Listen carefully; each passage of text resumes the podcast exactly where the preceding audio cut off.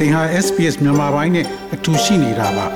sbs.com.au/burmese မှာပုံမထူးခဲ့တဲ့သတင်းစာမားတွေကိုရှားဖွေပါ SBS မြန်မာပိုင်းကို အင်ကာနဲ့စနေနေ့ည10:00နာရီမှနားဆင်နိုင်တယ်လို့အွန်လိုင်းကနေလည်းအချိန်မီနားဆင်နိုင်ပါပြီ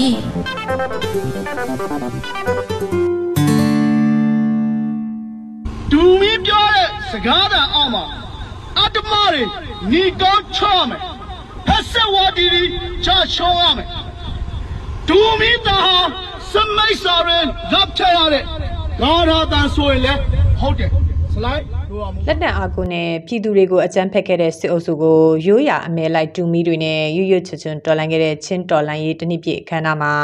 တူမီတော်လှန်ရေးကြပြကိုရွတ်ဆိုခဲ့တာပါ ခေတ်အဆက်ဆက်နေမြေကျူးကျော်လာသူတွေကိုခုခံတော်လှန်တိုက်ထုတ်ခဲ့ရမှာတမိုင်းစင်လာချီမာခဲ့တဲ့ချင်းတောင်တန်းဒေသဟာအခုအာနာသိန်းကာလမှာလဲစစ်ကောင်စီတပ်တွေရဲ့မတရားအနိုင်ကျင့်မှုတွေကိုကာကွယ်ဖို့တူမီတော်လှန်ရေးကိုစတင်ခဲ့ကြပါတယ် ချင်းပြည်နယ်မင်းတပ်မြို့ဗိုလ်ချုပ်အောင်ဆန်းပတ်ကြံထဲမှာအန်ယူဂျီကိုထောက်ခံကြောင်းဆန္ဒထုတ်ပေါ်ခဲ့တဲ့ချင်းလူငယ်9ဦးကိုစစ်ကောင်စီတပ်တွေကမတရားဖမ်းဆီးခဲ့ရကနေ2021ခုနှစ်ဧပြီလ24ရက်မှာတူမီတွေနဲ့စစ်ကောင်စီတပ်တွေကိုစတင်တိုက်ခိုက်ခဲ့ကြတာပါမြို့နှံကစစ်ကောင်စီတပ်တွေဟာချင်းလူငယ်တွေရဲ့တိုက်ခိုက်တာကိုခံလိုက်ရပြီးတပတ်လောက်တိုက်ပွဲတွေဆက်ဖြစ်ပွားခဲ့ရမှာတော့တူမီတော်လိုင်းရေးရဲဘော်တွေရဲ့ဂုဏ်သတင်းဟာနိုင်ငံအနှံ့ပြန့်လွင်ခဲ့ပါတယ် စစ်ကားတွေကိုတိမ့်ပိုက်မိရှို့နိုင်ခဲ့တာဆယ်နဲ့ချီတဲ့စစ်ကောင်စီတပ်ဖွဲ့ဝင်တွေတိတ်ဆုံးခဲ့တာတွေဟာချင်းတောင်တန်းရဲ့တူမီတော်လိုင်းရေးအဟုန်ဖြစ်ခဲ့ပါတယ်မင်းတပ် CDF တွေရဲ့ခုခံတော်လှန်မှုဟာချင်းတမျိုးသားလုံးရဲ့တော်လှန်စိတ်ကိုနှိုးကြားစေခဲ့ပြီးတပြည်လုံးမှာတော်လှန်ရေးတပ်ဖွဲ့တွေအများအပြားထွက်ပေါ်လာတဲ့အထိဖြစ်ခဲ့ပါတယ်။ချင်းတော်လိုင်းရေးတနစ်တာအတွင်းတပ်ဖွဲ့တွေအားကောင်းလာတဲ့နဲ့ပတ်သက်ပြီးဝင်ကြီးအောင်ဆလိုင်းအိုက်ဇက်ခင်ကအခုလိုပြောပါတယ်။ ဆိုတော့မိမိတို့မြို့နယ်အလိုက်စုဖွဲ့ထားတဲ့မြို့နယ်ကာကွယ်တပ်ဖွဲ့တွေရောမြို့နယ်စုလိုက်စုဖွဲ့ထားတဲ့အဲတပ်ဖွဲ့တွေရောအကုန်လုံးကျွန်တော်ပေါင်းလိုက်မယ်ဆိုလို့ရှိရင်လက်ရှိအနေထားမှာချင်းပြည်နယ်တစ်ခုလုံးမှာအင်အားအနည်းဆုံးတစ်ပေါင်းနဲ့အထက်မှာအာရှိတယ်လို့ကျွန်တော်တို့ပြောလို့ရတယ်ပေါ့နော်ဒါတော့အနည်းဆုံးပေါ့နော်အဲ့တော့အဲပြောမယ်ဆိုလို့ရှိရင်အင်အားနောက်ပြီးတော့လက်နက်ခဲယမ်းအဲနောက်ပြီးတော့လေ့ကျင့်မှုနောက်ဒီထက်မကဟို အတွေ့အကြုံပေါ့နော်ဒီတစ်နှစ်တာအတွင်းမှာဟိုတိုက်ပွဲတော့ဝမရှိဘူးဆိုရင်မြို့နယ်ကအနည်းဆုံးဟို၅ချိန်နဲ့နဲ့အထက်မှာဟိုရှိကြတယ်ပေါ့ဆိုတော့ဟိုပြင်းပြင်းထန်ထန်ခုခံအဲဒေါ်လာနေတဲ့မင်းတပ်လူဖလမ်လူနေရာဒေသမျိုးမှာရှိတဲ့တပ်ဖွဲ့တွေကပို့ပြီးတော့တွေ့ကြုံနော်တိုက်ရိုက်ခိုက်ပြီးဝလာတာပေါ့လေဆိုတော့ဒါကတော့ဒီတစ်နှစ်တာအတွင်းမှာတပ်ပိုင်းဆိုင်ရာနဲ့ပတ်သက်ပြီးတော့ခုခံဒေါ်လာနဲ့တပ်ဖွဲ့များရဲ့အနေအထားပေါ့နော် အင်အားလုံးရင်းနဲ့ချင်းတောင်ပေါ်ဒေသကိုကျူးကျော်ခဲ့ပြီးမတရားအနိုင်ကျင့်ဖိနှိပ်မှုတွေကိုပြုလုပ်ခဲ့တဲ့စစ်ကောင်စီတပ်တွေကြောင့်နေရအနှံ့ပြားကချင်းတော်လိုင်းရေးတပ်ဖွဲ့များစွာပေါ်ပေါက်လာတာပါ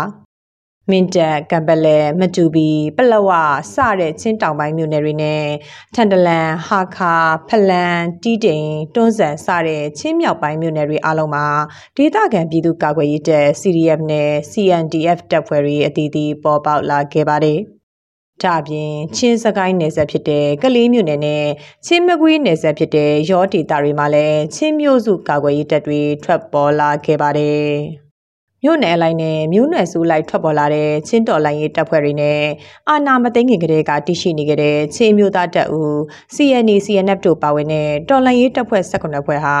ချင်းလန် Joint Defense Committee ကိုပြီးခဲ့တဲ့နှစ်စက်တင်ဘာလ30ရက်မှာဖွဲ့စည်းနိုင်ခဲ့ပါတယ်။ အာနာသိကာလာတစ်နှစ်ကျော်အတွင်းချင်းတော်လိုင်းရေးအဖွဲ့တွေစုစည်းလှုပ်ဆောင်နေတဲ့ CJDC ကတတိယမြောက်ပုံမှန်အစည်းအဝေးကျင်းပထားနိုင်ခဲ့ပြီဖြစ်သလိုမင်းကျက်ပလဝဖလန်းတို့ကတော်လိုင်းရေးတပ်ဖွဲ့တွေဟာလည်းနှစ်ပတ်လည်အခမ်းအနားတွေနဲ့ညီလာခံတွေကျင်းပထားနိုင်ခဲ့ပါပြီ။ဒီလိုစုစည်းမှုတွေကြောင့်ချင်းတော်လိုင်းရေးတနစ်တာအတွင်းအောင်မြင်တာတွေရှိခဲ့တယ်လို့ချင်းမျိုးသားအဖွဲ့ချုပ် CNO CNDF ကပြောရေးဆိုခွင့်ရှိသူ စလိုင်းကျုံငိုင်းကသုံးသပ်ပြောဆိုပါတယ်။ ပထမချိန် CNO CNDF ချိန်ညီလာခံမှာကျွန်တော်တို့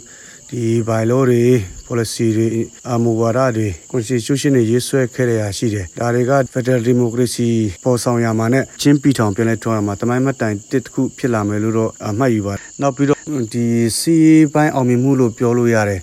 ကျွန်တော်တို့ဒီတနစ်တာအတွင်းမှာတိုက်ပွဲအခုထိပေါ့58ကြိမ်လောက်တိုက်ခဲ့တယ်အဲ့မှာစစ်ကောင်စီဘက်ကို စစ်ကောင်စီအကြဆုံးကတော့400လောက်ရှိခဲ့တယ်အဲ့ဒါကတော့စစ်စီးပိုင်းမှာအောင်မြင်မှုပေါ့အုပ်ချုပ်ရေးပိုင်းလဲတော်တော်များများကဒီဒီချင်းပြည်နယ်ဖလန်းမြို့နယ်အတွင်းမှာတော့ကျွန်တော်တို့အုပ်ချုပ်ရေးပိုင်းတွေဖော်ဆောင်တာတွေရှိတယ်နောက်ပြီးတော့ဒီပြည်သူလူထုကကျွန်တော်တို့ CNO CNF ကိုအစိုးရတရက်အနေနဲ့လက်ခံတဲ့ပုံစံမျိုးတွေရှိလာတဲ့ခါကျတော့ဒါကျွန်တော်တို့ရဲ့ဒီနေ့တာအတွင်းအောင်မြင်မှုလို့ပြောလို့ရတယ် အစတာထွက်မှာတင်အရှိန်ကောင်းခဲ့တဲ့ချင်းတော်လိုင်းရေးတပ်ဖွဲ့တွေကိုစစ်ကောင်စီကကုန်းချောင်းလေချောင်းနှစ်ဖက်ညက်ပြီးအင်အားတထောင်ကျော်နဲ့ထိုးစစ်ဆင်ဥချိုးခဲ့ပါတယ်။ပြီးခဲ့တဲ့နှစ်မေလဒုတိယပတ်အတွင်းမှာပဲစစ်ကောင်စီကအင်အားအလွန်ကျွံသုံးပြီးမင်းတပ်မြို့ဘက်ကိုတင်ပိုက်လိုက်သလိုကြေးရွာတွေထိပါ CDF တွေကိုထိုးစစ်ဆင်ခဲ့တာပါ။ မြို့ပေါ်ကနေတောင်းနဲ့ချီပြီးမြို့လုံးကျွတ်ထွက်ပြေးခဲ့ရတဲ့မင်းတပ်ပြည်သူတွေဟာစစ်ကောင်စီတပ်တွေရဲ့စစ်ကြောင်းထိုးမှုတွေကြောင့်အဲ့ဒီကာလကလေးကကြေးရွာတွေကတစင်တောတောင်တွေကိုထွက်ပြေးတိတ်ရှောင်ခဲ့ကြရပါတယ်။စစ်ကောင်စီကလာပေါင်းများစွာထိုးစစ်ဆင်နေမှုတွေကို CDF တွေကရရနီလန်ပေါင်းစုံနဲ့အကောင်းဆုံးခုခံတော်လှန်ကြသလိုတစ်ဖက်မှာလည်း CDM တွေကစစ်ဘေးရှောင်တွေကိုကူညီဆောင်ရှောက်ပေးနေကြပါတယ်။ စစ်ရှောင်းရင်မင်းတက်မြို့ကိုစွန့်ခွာလာတာတနှစ်ပြည့်ပြီဖြစ်တဲ့မင်းတက်ကျမ်းမာရေးဌာနကစီရီယန်တားဖွားဆရာမတူကတော့ဒီယုံပိုင်းနေရတက်ဆွဲကြတာကိုအဲ့လိုမျိုးဖြစ်တော့ဒီနာစီခံဖွင့်နေတော့ဒီတန်နဲ့ဆရာမကြီးအမှတချို့ကျော် level လန်ဒီယာတွေအဲ့မှာအများကြီးပူပေါင်းမိမှာပေါ့နော်စီခံဖွင့်နေအဲ့နေရာမှာပဲစီကူဒီရပေါ့နော်နောက်ပိုင်းကျတော့လည်းတိုက်ပွဲဖြစ်လာတော့မြို့တွင်းကနေမှာတခြား အာပြန်ပြီးမှပြေးရတာပေါ့နော်ပြီးမှအဲ့လိုမျိုးအချင်းချင်းပြေးရတော့အဲလူနာတွေတချို့နဲ့ပေါ့နော်ပြေးကြလင်းလူနာတွေတဲရင်းနေပဲအများအချင်းတော့သူတို့ရောက်တဲ့နေရာလေးမှာကိုယ်နဲ့ကိုယ်ဆူရှင်ရှာတယ်ပြီးမှတချို့ကြောင့်လည်းကိုယ်ဆူရှင်ရှာတယ်တချို့ကြောင့်လည်းသူတို့တတ်နိုင်တော့တော်များအဖြစ်သူတို့စမိုင်ဝန်ချအများဆိုတော့သူတို့ရောက်တဲ့နေရာနဲ့တော့ရှိတဲ့လူနာတွေရှိရဲ့စီးလေးနဲ့တော့ကြည့်တော့ပြေးကြရပေါ့နော်ခုနောက်ပိုင်းကျတော့လမ်းကြောင်းတွေပိတ်တာများလာလေစီးဆိုလည်းအရင်ကတော့ဟာ မရတော့ဒါပြက်လက်တာဘောနော်လိုမျိုးလမ်းကြောင်းတော်များပိတ်လာတာပေါ့ခင်ဗျမရပြီးပြီးချင်တော့မှစီဝါပိုင်းမှာမတိဆုံနိုင်များလေအနာသိန်းကာလမှာ ချင်းပြည်သူတသိန်းလောက်ဟာ ပြည်တွင်းနဲ့ အိန္ဒိယနယ်စပ်ဘက်တွေမှာ စစ်ပေးရှောင်နေကြရပါတယ်။လူဦးရေ9သိန်းရှိတဲ့ ချင်းပြည်နယ်မှာ ပြည်သူ20ရာခိုင်နှုန်းလောက်က စစ်ပေးရှောင်နေကြရတာကြောင့် ချင်းပြည်သူတွေရဲ့ လူသားစွမ်းအင်များစွာ ဆုံးရှုံးနေရတယ်လို့ သုံးသပ်ချက်တွေလည်း ရှိခဲ့ပါတယ်။ ဒါအပြင်တခြားပြည်နယ်နဲ့တိုင်းတွေမှာအခြေအနေအရရက်ကြောင့်နန်းစီဒီယမ်ပြန်လုပ်သူတွေများလာပေမဲ့ချင်းပြည်နယ်မှာတော့နန်းစီဒီယမ်ပြန်လုပ်သူအနည်းဆုံးလို့ဆိုနိုင်ပါတယ်။အာနာသိန်းတစ်နှစ်ကျော်ကာလအတွင်း CDN ပြုတ်လုခဲ့တဲ့အတန်းဖော်တွေဟာအခုချိန်မှာကြောင်းပြန်တက်နေကြပေမဲ့တောတဲ့တောင်နဲ့တိုက်ပွဲဝင်နေကြသူတွေနဲ့အသက်ပေးဆက်ခဲ့ရတဲ့ရဲဘော်တွေအတွက် CDM ဆက်လုပ်သွားမယ်လို့ပြောလာသူကတော့မင်းတက်ကစစ်တက်ကတူနောက်ဆုံးနှစ်ကျောင်းသူတူပါ ကိုကိုညွန်ဖန်ထားရတယ်နဲ့တခြားဖြစ်ကြပါဘောလေကိုကတော့ဒီအစေဒီ20 3 24 25ကွာဒီအလုံးရနေပြီအာဒီလိုမျိုးကွာနဲ့ကိုရောနော်အရက်တင်နိုင်နေပြီအဲ့လိုတွေးချင်တော့ကိုစိတ်ကူးရင်ထက်ကအာဘဘဒီလိုတကယ်ဖြစ်နေတဲ့အခါတကယ်ဖြစ်နေတာတခြားစီဖြစ်နေရပါအခုဆိုရင်လည်းတောင်းနေပြန်ဖွင့်နေပြီပေါ့လေအကြောင်းပြန်ဖွင့်တာနဲ့တုံးလာကြော်နေပြီပြန်တက်တဲ့လူလည်းအများကြီးပဲအာအစားတော့ အဲ့လောက်ကြီးများမယ်လို့မထင်ထားဘူးပေါ့။ဒါပေမဲ့အရမ်းများတဲ့အခါမှာကျတော့ပိုပြီးစိတ်ကပ်ကြတာပေါ့။အဲတကယ်လို့မှတက်တဲ့လူနည်းနေလို့ရှိရင်တော့ကျတော့တိတ်တိတ်ကဟိုခွန်အဲ့လိုအော်ကိုတငယ်ချင်းတွေများရှိရှိသေးရပဲပေါ့နော်။ဒီမျိုးစိတ်ကထားလို့ရအခုကျတော့ပြန်ဖွင့်နေချိန်မှာအရင်တက်တဲ့လူကအရမ်းများသွားတော့ဗောနော်အရမ်းများသွားတော့ကိုယ့်ထက်အများကြီးပေးဆက်နေတယ်ကိုယ့်ရဲ့လုပ်ဖောက်ပိုင်ချက်တွေရှိတယ်ကိုယ်နဲ့ရွယ်သူတငယ်ချင်းတွေရှိတယ်အဲသူတို့ကိုပဲကြည်ပြီးအားယူတာဗောလေနော် တခြားပြည်နယ်နဲ့တိုင်းတွေထက်ဖွံ့ဖြိုးမှုနောက်ကျခဲ့တဲ့ချင်းတောင်တန်းဒေသဟာအာဏာမသိမ်းခင်မှာကျန်းမာရေးပညာရေးစီးပွားရေးဆိုင်ရာအခွင့်အလမ်းတွေအပါအဝင်အခြေခံအဆောက်အဦတွေနဲ့လျှက်စစ်မီလမ်းပန်းဆက်သွယ်ရေးစတဲ့ကဏ္ဍတွေမှာတိုးတက်ကောင်းမွန်စွာပြုနေချိန်မှာပဲအာဏာသိမ်းမှုကြောင့်ဆယ်စုနှစ်နှစ်ခုစာလောက်ဆုတ်ယုတ်နှောင့်နှေးသွားရပြီလို့ပညာရှင်တွေကသုံးသပ်ကြပါတယ်။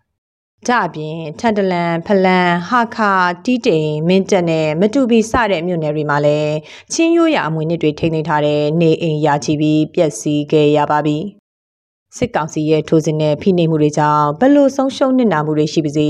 ချင်းပြည်သူတွေကတော့နှဲမြေကျူးကျော်လာသူတွေကိုအဆုံးထိတိုက်ထုတ်သွားဖို့တန်နေထန်ရှိနေကြပါတယ်။ဝင်းကြီးဟောင်းစလိုင်းအိုက်ဇက်ခင်ကပဲခုစစ်ကောင်စီရဲ့ပြုမှုတွေဥစားကအာ တော်တော်စိတ်နာစရာကောင်းတယ်ပေါ့နော်။ဘာလို့လဲတကယ်စင်ရအလုံးရင်းနေတယ်တက်ပြီးတော့ချင်းတောင်ကိုထိုးစစ်ဆင်လာတယ်ဆိုလို့ဆိုတာဒါကျူးကျော်တာပဲ။အဲ့တော့ဒီလိုမျိုးကျူးကျော်မှုရှိနေတယ်ဆိုလို့ရှိရင်တော့ချင်းတွေခုခံစစ်ကလည်းရှိနေပါမယ်။နော်။သူတို့အဲ့လိုလုပ်လေချင်းတွေကကိုယ့်မြေကိုခုခံကာကွယ်ခြင်းနဲ့အသက်ပြီးတော့ခုခံကာကွယ်ခြင်းနဲ့စိတ်ကဘူဘူလို့တော့များလာတယ်ပေါ့နော်။ရော့မသွားဒီတနေ့အတွင်းမှာကျွန်တော်ကဒီချင်းတွေရဲ့စိတ်ထဲမှာနော်နံပါတ်1ကျွန်တော်ခုခံကာကွယ် ဒီကိစ္စလုံးဝမှန်တယ်ဆိုရင်အချက်ကပူပူတော့ခိုင်ပါလာနံပါတ်1နံပါတ်2အဲကျွန်တော်အခုချိန်မှာကိုနေရာကိုနေနေလွတ်မြောက်အောင်မလုပ်နိုင်အောင်ဘယ်တော့မှမရနိုင်ဘူးဆိုရဟာမျိုးပူပူတော့သိချလာတယ်ပေါ့နော်နံပါတ်3ကတော့လူ9သိန်းမှာလူတစ်သိန်း20%အပြေးရလွှားလိုက်ရတယ်ပြီးတော့ impact ကနေတာကိုခံရပေမဲ့ဒီနေ့ထိကျွန်တော်ချင်းလူမျိုးတွေမငြင်းညူသေးဘူးပေါ့နော်ကျွန်တော်ပြေးရလွှားရတယ်အသက်တွေတည်ကြတယ်ဆုံးကြတယ် အဲတိုက်ပွဲမှာကြားတယ်ဒါပေမဲ့ခုချိန်ထိကျွန်တော်အငင်းညူကြပြီပေါ့နော်ကျွန်တော်ဆက်ပြီးတော့ရှင်းအောင်ကောင်းကောင်းနဲ့အာဟို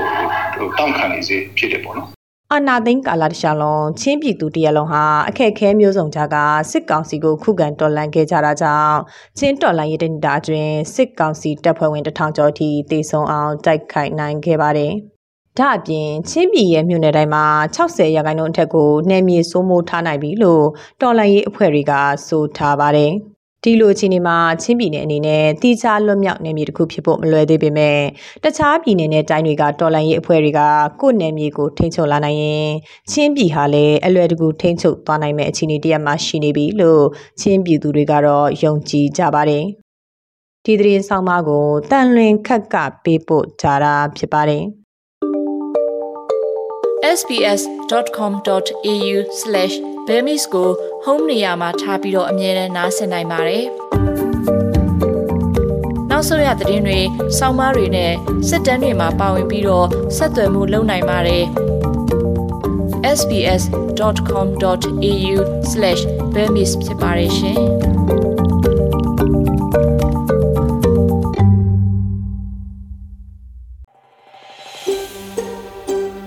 ဒါမျိုးသတင်းဆောင်မတွေကိုပိုနားဆင်လိုပါလား Apple Podcast Google Podcast Spotify တို့မှာသင်ပင်ရာဖြစ်ဖြစ်ရယူတဲ့ podcast ကနေပါ